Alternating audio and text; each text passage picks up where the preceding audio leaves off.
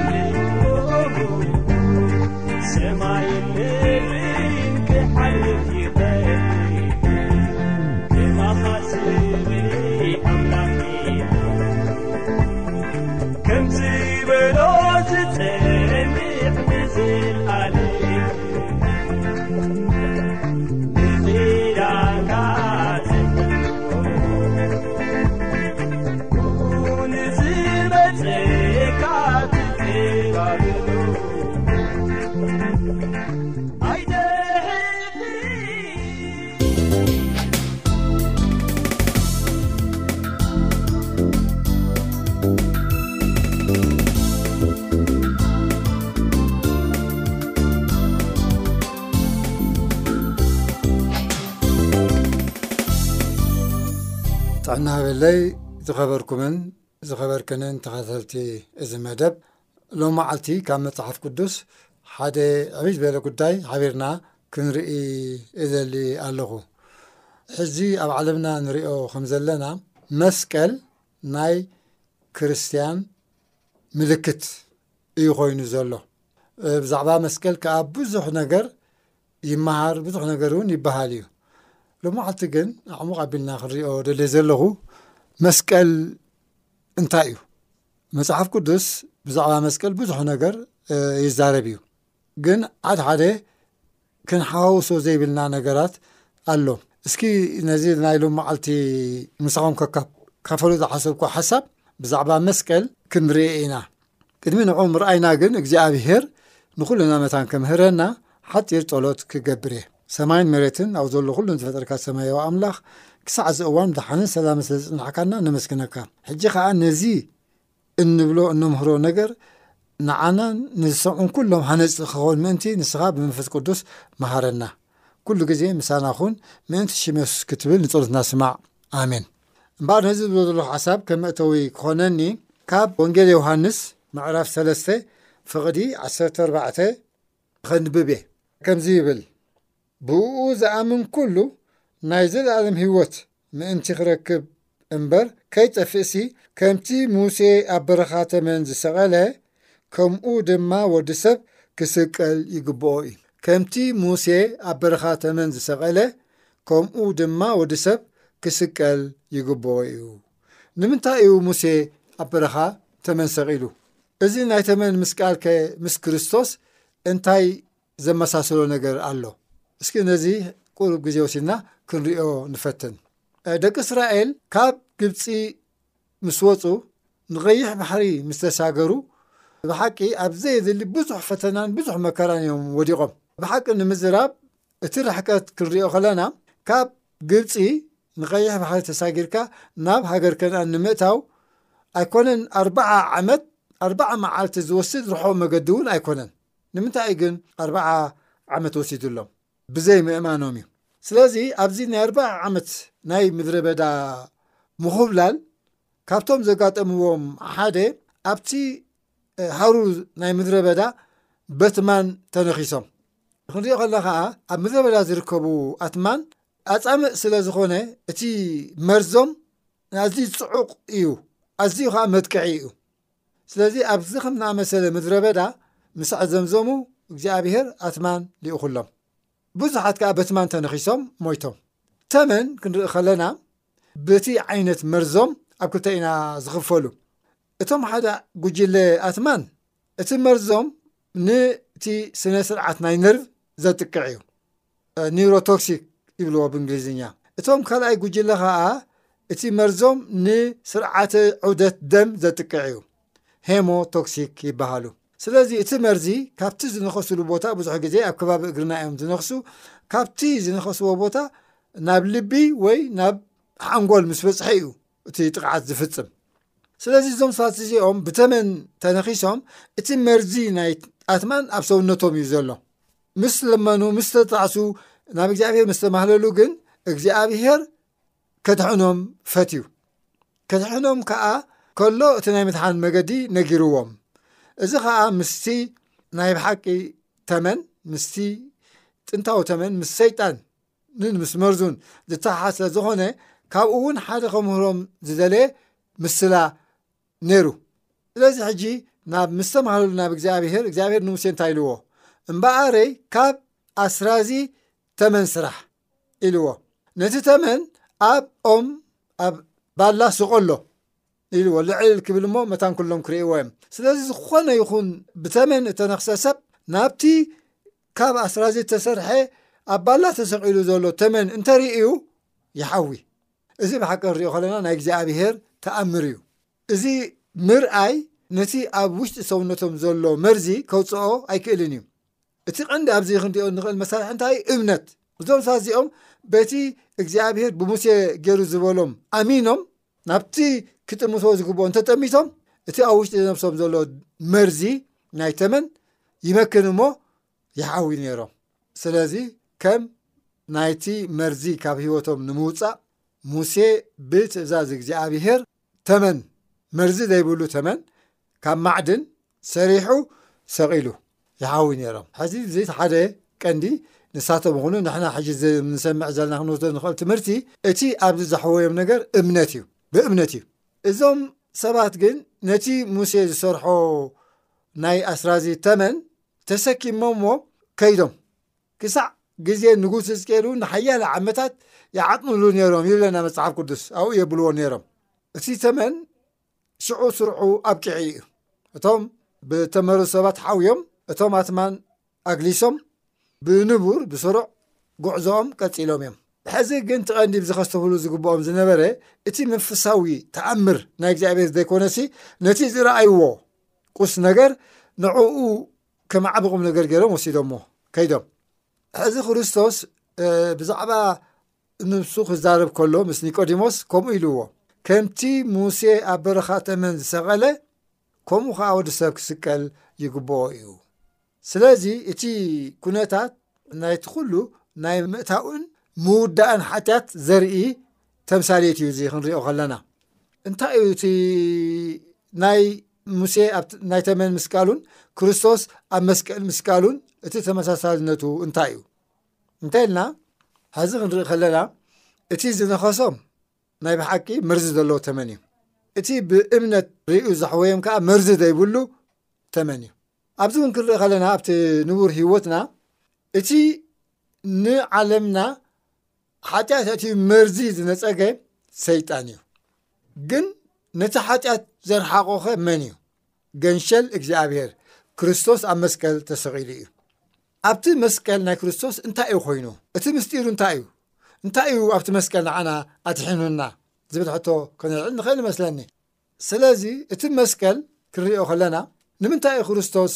ኣብ መስቀል ተሰቒሉ እንተኢልና ካልእ ፍሉይ ምስጢር የብሉን። ኣብቲ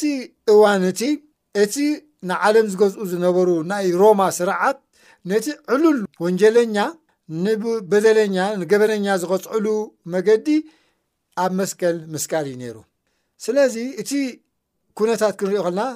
ኣብ መስቀል ክሞት ዝኮነሉ ክርስቶስ ኣብ መስቀል ምስቃል ፅድቂ ወይ ዘድሕን ነገር ስለ ዝኾነ ኣይኮነን እቶም ነቲ መስቀል ዝሰርሕዎ እቶም ሮማውያን ይኹኑ እቶም ኣይሁዳውያን ክርስቶስ ካብ ሙታት ከም ዝትስእ ንዓለም ከም ዘድሕን እቲ ምስቃሉ ዓበይ ተልእኾ ከም ዘለዉ ኣይፈለጡን ደሓር እቲ ከይዲ ክንሪኦ ከለና ያውም ብናይ ሮማውያን ሕጊ ክርስቶስ ብናይ መስቀል መቕፃዕቲ ዘቕፅዕ ገበን ኣይፈፀመን ጲላጦስ እዚ መስኪሩ እዩ ነፍሲ ቀተለ ኣይሰረቐ ኣይዓመፀ ስለዚ ከም ገበነኛ ብመስቀል ዘቕፅዕ ሓጢኣት ኣይፈፀመን ጲላጦስ መስኪሩ እዩ እቶም ኣይሁድ ግን እቲ ጽሑፍ ክፍጸም ስለ ዘለዎ እወ ናይ ሮማ ሕጊ በዚ ክቐጽዖ ዘይክእል እንተኾይኑ ናይ ኣይሁድ ናህና ሕጊ ይቐጽዖ እዩ እዚ ሰብ እዚ ንእግዚኣብሄር ንዓርሱ ማዕረ እግዚኣብሄር ብምግባር ንእግዚኣብሄር ስለ ዘዋረደ ብመስቀል ክቐጻዕ ይግብኦ እዩ ኢሎም እዚ ከዓ እቲ ኣቐዲሙ ብሙሴ ተነግረ እቲ ኣብ ዕንጨይቲ ዝስቀል ርጉም እዩ ብእግዚኣብሄር ተረግመ እዩ ስለዚ እዞም መራሕቲ ሃይማኖት ናይ ኣይሁድ ንክርስቶስ ብእግዚኣብሄር ክርገም ምእንቲ እዮም ኣብ ዕንጨይቲ ሰቂሎሞ ንሶም እቲ ላዕለዋይ ነገር እዮም ዝርኢ ነሩ እቲ ሓቂ ግን ክርስቶስ ኣብ መስቀል ክስቀል ዘገደዶ እንታይ እዩ ናይ ኣዳም ገበን ናይ ኣዳም ሓጢኣት ፀይሩ ስለ ዝነበረ እዩ እቲ ዕዳ ናይ ሓጢኣት ክኽፈል ስለ ዘለዎ እዩ እቲ ሕጊ እግዚኣብሄር እንታይ ዝብል እታ ሓጢኣት እትገብር ነፍሲ ክትመውት እያ ስለዚ ኣዳም ኣዳምን ዘርኡን እቲ ዓስቢ ሓጢኣት ዝኾነ ዘለኣለማዊ ሞት መታን ከይሞቱ ነዚ ተሰኪሙ ክርስቶስ ኣብቲ መስቀል ሞይቱ ነቲ ዕዳ ከፊልዎ ንምንታይ እዩ ክርስቶስ ኣብኡ ክስቀል ኣድልይዎ ከመይሲ ካልእ ዕዳ ክኸፍል ዝኽእል ናይ ዓርሱ ህይወት ዘላቶ ፍጡር የለን መልኣኽ ይኹን ሰብ ይኹን ክርስቶስ ግን ናይ ዓርሱ ዝኾነት ህይወት ኣላቶ ክኸፍላ ዝኽእል ስለዚ ከም ናይ ሓጢኣት ዋጋ ነታ ዘላቶ ህይወት ከፊልዋ ስለዚ ኣብቲ መስቀል እንታይ ኮይኑ እንታይ ኢልና ህይወት ተኸፊሉ እቲ ዘድሓና ኸዓ እዚ ናይ ክርስቶስ ህይወት እዩ ሕዚ ምስቲ ናይ ሙሴ ከነተኣስሮ ከለና እቲ ዘድሕነና ነገር እምነት ምዃኑ ኢና እንርኢ ስለዚ ክርስቶስ ነቶም ቅድሚኡ ዝነበሩ ይኹኑ ነቶም ሽዑ ዝነበሩ ይኹኑ ነዞም ብድሕሪኡ ዝመፃና ንኹልና ዕዳ ከፊሉልና እዩ ስለዚ ማንም ሰብ ነዚ ብእምነት ተቐቢሉ ናብቲ እተሰቕለ ክርስቶስ እንተጠሚቱ ካብ ሓጢኣት ዕዳ ካብቲ ካልኣይ ሞት ነፃ ይኸውን ማለት እዩ ክርስቶስ ምእንቲ ከድሕነና ኣብ መስቀል ተሰቂሉ ክመውት ናይ ግዲ እንዲ ነይሩ እቲ ዝድለ ነገር እንታይ እዩ እታ ህይወት ምክፋል እያ እታ ሙማት እያ ሕጂ ግን ንሪኦ ከም ዘለና እቲ መስቀል ንባዕሉ እቲ መስቀል ከም ዘድሓነና ከም ጣዖት ገይርና ኣብ ክንዲ ነቲ ኣብ መስቀል ህይወት ከፊሉ ዘድሓነና ነቲ ናይ ማውትኡ ኩነታት ዝያዳ ኣተኣቓልቦ ንህብ ኣለና ስለዚ ኣብዚ ክንጥንቀቕ ይግብኣና እዩ መስቀል ክብል ከሎ መጽሓፍ ቅዱስ ክልተ ትርጉም እዩ ዘለዎ ኩሉ እቲ ክርስቶስ ዝረኸቦ ሓሳረ መከራ ክሳዕ እቲ ሞት ኣብ መስቀል ኩሉ እሱ እዩ መስቀል እቲ መከራ እዩ እቲ ሽግር እዩ እቲ ውርደት እዩ እቲ ላዕልን ታሕትን ዘበልዎ ኩሉ ንሱ እዩ እቲ መስቀል እምበሪ እቲ ኣይሁዳውያን ወይ ሮማውያን ዝሰርሕዎ ዝረአ ፊዚካል መስቀል እቲ ቀንዲ ኣትኮ ክግበኦ ዝግብኦ ንሱ ይኮነን ስለዚ ንሕና ነቲ መስቀል ኣይኮናን ከነምልኾ ዝግባኣና፣ ነቲ ናይ ኣማውታ ከይዲ ኣይኮናን ከነምልኽ ዝግባኣና፣ ነታ ኣብ መስቀል እተኸፍለት ህይወት ናይ ክርስቶስ ብእምነት ብምቕባል ካብቲ ናይ ሞት ዕዳ ነፃ ንኸውን ስለዚ ኣብዚ እንገብሮ ነገር ብውነ ከነስተውዕለሉ ይግባኣና እዩ ንመን እየ ዘምልኽ ዘለኹ ነቲ ሮማውያን ይኹኑ ኣይሁዳውያን ዝሰርሕዎ ብዓይኒ ዝረአ ነገር ድዩ ወይስ ነቲ ብሕልና ክረአ ዝኽእል ብመንፈስ ክረአ ዝኽእል ኣብቲ መስቀል እተፈጸመ ኩነታት ነቲ ኣብኡ እተኸፍለ ህይወት ድየ ዝቕበል ዘለኹ ወይስ ነቲ ስርዓት እዩ እቲ ስርዓት ክንሪኦ ከለና መለኮታዊ መጽሓፍ ቅዱሳዊ መንፈሳዊ ስርዓት ኣይኮነን ኣብ መስቀል ምሟት ናይ ገበን ናይ ውርደት ሕሱር ሞት እዩ ክርስቶስ ግን ተዋሪዱ ገበነኛ ኮይኑ ንዓና ካብ ናይ ገበን መቕጻዕቲ ነፃ ገይሩና ስለዚ ኣብዚ መስቀል ክንርኢ ከለና እቲ መንፈሳዊ ኣብኡ ተኸፍለ ህይወት ንሓጢኣትና ዋጋ ተኸፍለ ርኢና ነቲ ኣብኡ ዝሞተ ክርስቶስ ከነምልኽ እምበር ነቲ ኩነታቱን ነቲ ኣብ ዓይንና ንሪኦ ነገርን ኣይኮናን ከነምልኽ ዝግባኣና ሕዚ እውን ብዙሓት ሰባት ክልተ ሰለስተ መስቀል ኣብ ክሳዶም ኣሲሮም ክኸዱ ንርኢ ኣለና። እቲ ዘድሊ ግን ንሱ ይኮነን። ነቲ መስቀል ኣብ ልብኻ፣ ነቲ ዝተፈጸመ ኩነታት፣ ነቲ ተኸፍለ ህይወት ኣብ ልብኻ ሒዝካ ብእምነት ክትድሕን ንእግዚኣብሔር ምሕታት ንሱ እዩ ዘድሕነና። ዓሰርተ መስቀል ተሓዝና ናይ ወርቂ ናይ ብሩር ናይ ዝኾነ ነገር እንተሰራሕና እቲ ቁም ነገር ኣብኡ ይኮነን ዘሎ። እቲ ቁም ነገር ኣብ እምነት እዩ ዘሎ። ነቲ ጸላኢ ኣብ ውሽጥና ዝነጸጎ ናይ ሓጢኣት መርዚ ካብ ሕልናና ካብ ውሽጥና ከንጽሆ ዝኽእል እምነት እዩ ከምቲ ናይቶም ኣይሁድ ኣብቲ ምድረ በዳ እሱ እዩ ኮይኑ እቲ መርዚ ኣብኦም እዩ ዘሎ እቲ ብእምነት ምጥማት ግን ነቲ ኣብ ውሽጦም ዘሎ መርዚ ክቐትሎም ዝኽእል መርዚ ኣምኪኑ ነፃ ይገብሮም ስለዚ ናዕና እውን እቲ ዕንጨቲ እቲ ሓፂን እቲ ብሩር ብዝለ ብዝኾነ ማዕድን ክንሰርሖ ንኽእል ኢና እቲ ዘድሕነና ግን ንሱ ኣይኮነን ኣብኡ እተፈጸመ ኩነታት እዩ እታ ተኽፍለት ህይወት ንሳያ ተድሕነና እሞ በዚ ርኢና ብዛዕባ መስቀል እንብሎ እንመሃሮ ክንርኢ ከለና ኩሉ ከነሰውዕል ይግባኣና እዩ ነቲ ኣብቲ መስቀል ዝሞተ ህይወት ዝኸፈለ ክርስቶስ ብእምነት ተቐቢልና ንዕኡ ከነምልኽ ንዕኡ ክንሰግድ ንዕኡ ከነመስግን እዩ ዝግባኣና። እቲ ቀንዲ ክንገብሮ ዝግባኣና ገዲፍና ግን ኣብቲ ዝረአ ነገር ምልክት ጌርና ምቕማጥን ንዕኡ ምባልን ናብ ምምላኽ ጣዖት ክወስደና ስለ ዝኽእል ክንጥንቀቐሉ ይግባኣና እዩ። እቲ ከይዲ መንፈሳዊ እዩ፣